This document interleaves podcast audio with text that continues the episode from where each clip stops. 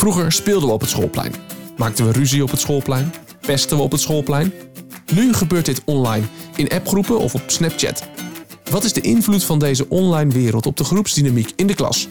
Hoe uitzicht dat dan weer op het schoolplein en hoe ga je daar als leerkracht goed mee om?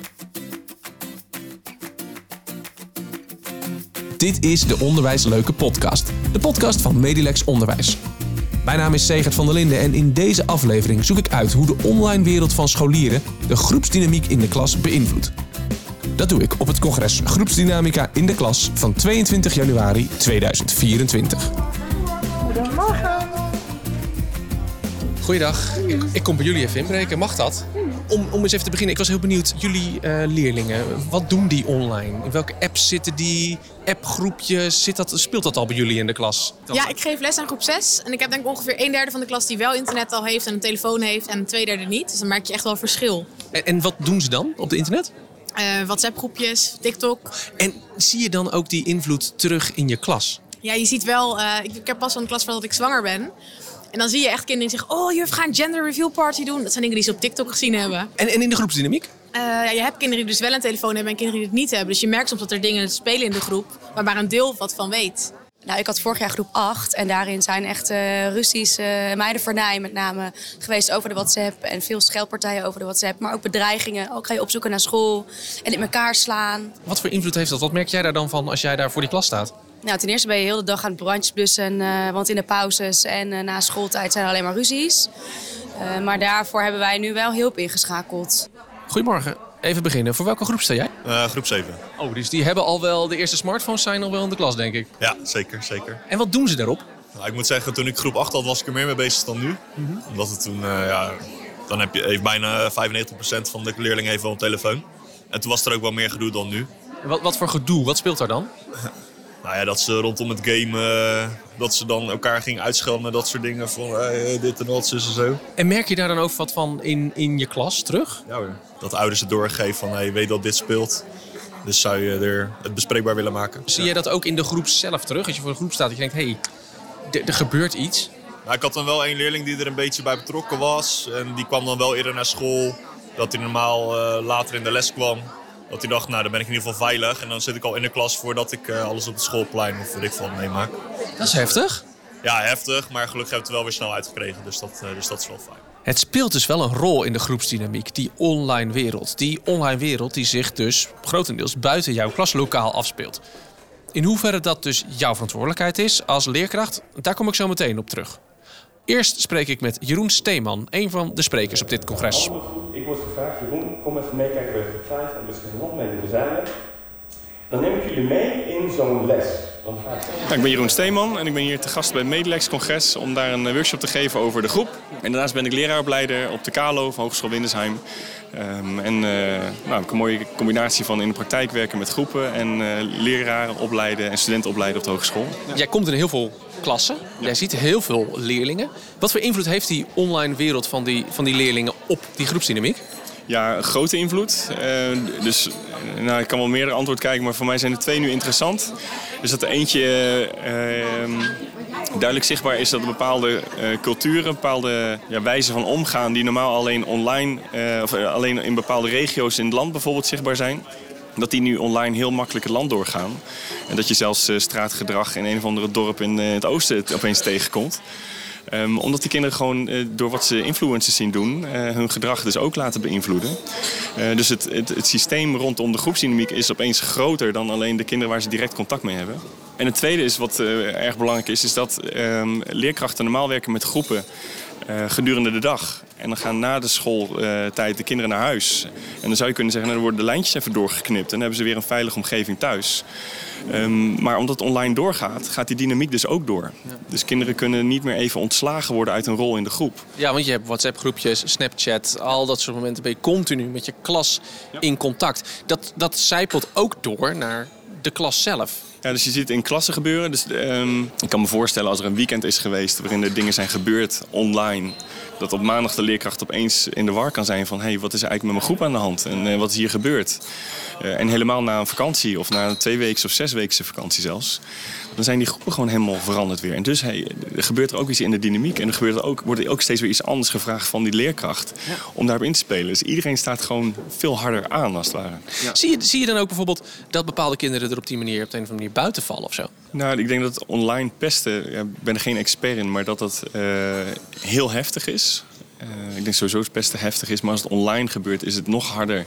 Omdat je, kijk, als je face-to-face iemand beledigt, dan voel je toch wat eerder een rem of zo. Als dat je dat online doet met nare emoticons of uh, filmpjes of weet ik veel wat allemaal.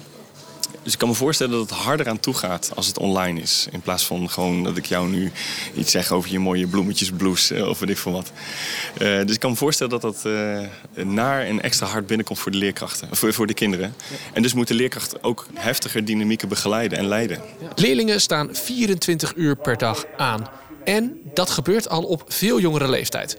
Dat laatste ziet Bastiaan Goedhart, een van de andere sprekers op het congres. Buitenspelen niet goed orde is, binnen een hoop gedoe. Ja, ik ben uh, Bastiaan Goedhart. Ik ben uh, opleidingsdocent op de PABO in Haarlem. En ik werk voor uh, scholings- en adviesbureau Alles in Beweging. En vandaag gaat het over groepsdynamische processen. Dus dan mag het schoolplein en buitenspelen natuurlijk niet ontbreken. Die smartphone die, wordt gegeven aan steeds jongere leerlingen natuurlijk. Dus we denken ook nog wel steeds van, nou, dat is in groep 8 en zoiets. Maar we hebben ook al ja, groep 5 leerlingen die tot 1 uur s'nachts bezig zijn om berichten te versturen. Ja, dus die geluiden krijgen we ook door. Dat heeft invloed ook op de groepsdynamische processen, op de groep. En dat heeft ook wel zijn weerslag op, uh, op het schoolplein natuurlijk. Dus het is niet altijd een direct kausaal verband, zeg maar. Het heeft ook indirect allerlei, uh, allerlei uh, invloed daarop. Ja. Ja, want kinderen die tot één uur aan het appen zijn... die kunnen nooit uitgerust om half negen weer in de schoolbank zitten... zegt mijn boerenverstand. Nee, precies. Nee. Dus dat is een van de dingen die natuurlijk een enorme invloed op heeft. Dus, dus nog even los van dat je uh, invloed hebt op, op, een, op een ander. Dat je iets zegt tegen een ander. Of dat je een, een conflict probeert op te lossen. Of anderen er, erbij te halen. Samen te spannen. Hè. Al die dingen die je eigenlijk in groepen ook ziet. Dat gebeurt natuurlijk ook uh, op social media. Hè. Mensen buitensluiten en dat soort dingen. Maar de andere consequentie is natuurlijk dat door de opkomst van de smartphone... Uh, kinderen uh, minder goed zijn slapen, uh, gaan slapen. ze zijn veel minder vaardig geworden. Dat komt omdat de opkomst van alle schermpjes er weer voor zorgt dat kinderen veel minder buiten spelen. Dat is echt desastreus. Dat is in de jaren nou ja, 90 speelden kinderen nog 25 uur per week buiten. En dat is nu ongeveer nog iets van 4, 5 uur in de week. En dus neemt de vaardigheid af. Nou, uh, uh, als kinderen uh, vallen, is er sneller sprake van een ongeluk. Dat zijn ook weer dingen die je op zo'n schoolplein terug ziet komen. Dus het heeft allerlei consequenties. Kun jij eens voorbeelden geven van dingen die jij ziet gebeuren? Dingen die jij van je zegt, oh ja, dat is misschien online begonnen. En dat is doorgecijpeld naar het klaslokaal, het speelplein, de gymzaal. Kijk, ik heb zelf drie jongens ook. En wat ik daar wel mee uh, maak, is dat die ook in allerlei uh, groepsappen zitten van bijvoorbeeld de voetbalclub. daar zitten sommige kinderen wel in in de klas en sommige kinderen niet in. En dat er zaken spelen, zeg maar, omtrent het, voetbal of wat daar gebeurd is. Weet je, ook soms als teams tegen elkaar moeten. Ja, en dat daarin dingen worden uh, ja, opgestookt, zeg maar. Die je dan wel weer terug ziet komen uh, op het voetbal, op het schoolplein natuurlijk. Dus eigenlijk zeg je eventjes, hè, je hebt twee klasgenoten, ze zitten allebei in een ander voetbalteam. Uh, en in de appgroepjes van de respectievelijke voetbalteams worden er even lekker flink gejut, even lekker flink gestookt. En uiteindelijk heeft dat ook zijn invloed, want die twee jochies komen elkaar op school weer tegen. En die zijn zo tegen elkaar opgejut dat daar nou ja, van alles nog wat gebeurt ja. op dat schoolplein. Ja, ja absoluut. Ja. Dat, dat zie je dan. Dat, dat, en dan, wordt, dan is de schoolplein zeg maar, de plek waar het uitgevochten wordt. En dat kan ook onderscho onderschooltijd zijn, maar ook uh, naschooltijd. En onderschooltijd heb je er invloed op en naschooltijd helemaal niet. En dit brengt me even terug naar het gesprek dat ik had met die leerkracht van groep 8. Zij zegt namelijk iets vergelijkbaars. Ik vind het ook moeilijk om daar zicht op te hebben. Het is lastig om zicht op te hebben, zeg jij. Ja. Maar is, vind, je, vind je ook dat, dat jij daar zicht op zou moeten hebben? Ja, lastig. Het gebeurt ook wel eens dat er een ruzie of iets is... en dat je dan via paro van ouders dat te horen krijgt. Terwijl ik ergens denk, ja, als het buitenschool het gebeurt... is dat dan aan mij? Ik vind dat wel een moeilijke vraag om te beantwoorden eigenlijk. Vind jij het een verantwoordelijkheid voor die leerkracht om daar mee bezig te zijn? Met wat daar dus buitenschooltijd in die appgroepen op Snapchat tijdens de games gebeurt? Nou ja, die is ingewikkeld. Um... Ik vind dat het, eh, dat is mijn persoonlijke mening, dat ik vind dat als het onder schooltijd gebeurt, dat de leerkracht erin moet leiden. Want er wordt niet gepest op school. Eh, en dus is daar de leraar de, de leidend verantwoordelijk voor. Eh, er wordt wel gepest, maar dat is niet wat je zou moeten willen. Ehm, eh, dus ik vind dat dat het domein van de leerkracht is. Dus daarom ben ik ook heel erg voorstander van telefoons weg uit school. En als het er buiten gebeurt, ja, dan ontstaat volgens mij, dat noemen ze vaak de- het educatief partnerschap tussen thuis, eh, de school en eh, de, de kinderen als het ware. Eh, dat daar dan wel een verband moet worden gemaakt tussen, oké, hoe willen wij dat we doen? Hoe gaan we thuis eraan toe? En hoe zorgen we dat die kinderen kunnen switchen tussen die domeinen? Ehm, maar dan is de leerkracht eigenlijk niet meer in de leiding. Die kan wel ja, op het moment dat kinderen de, de school binnenkomen, dan is het domein van de school. Maar daarbuiten ja, heb je toch echt ouders nodig. En moet je misschien ook zicht hebben op de peers, de online peers, waarin kinderen zich, eh, waarmee kinderen zich identificeren. Weet waar je leerlingen mee bezig zijn, ook online. Of dat dan invloed heeft op de groepsdynamiek, ja, dat zul je zelf moeten zien. Je zult die signalen moeten oppikken. En soms, vertelt Bastiaan Goedhart, zijn die signalen heel duidelijk. Als je na schooltijd al ziet dat, eh, dat er gefilmd gaat worden, hè, bijvoorbeeld, dan zijn dat hele duidelijke signalen. Kijk, je moet altijd heel goed eh, luisteren naar wat kinderen eh, zeggen. Dus als er teksten terugkomen bij het voetbal die een relatie hebben ook met de berichten die verstuurd zijn. Maar dat lijkt me zo ingewikkeld, want dan moet je ook maar weten wat er dus in die appgroep gezegd is. En dan ben je dus waarschijnlijk weer afhankelijk van leerlingen of ouders die dan moeten weten wat er zich afgespeeld heeft in die appgroepen. Ja, precies. Ja, net als, nee, maar er is nog iets anders moeilijks eh, aan, zeg maar. En dat is het feit dat je eerst de mogelijkheid moet hebben om die signalen op te vangen. Daar begint het al mee. En dat zien we dat dat natuurlijk fout gaat. Dat er eh, te veel kinderen in een te kleine ruimte met te weinig begeleiding eigenlijk buiten eh, eh, lopen. Of dat er mensen buiten lopen die helemaal geen pedagogische achtergrond hebben. Of de kinderen helemaal niet zo goed kennen. Maar meer als een soort toezichthouder daar op dat schoolplein staan. Die staan eigenlijk maar eh, te letten op wat er wel en niet goed gaat. En als er niet goed gaat, volgen er consequenties.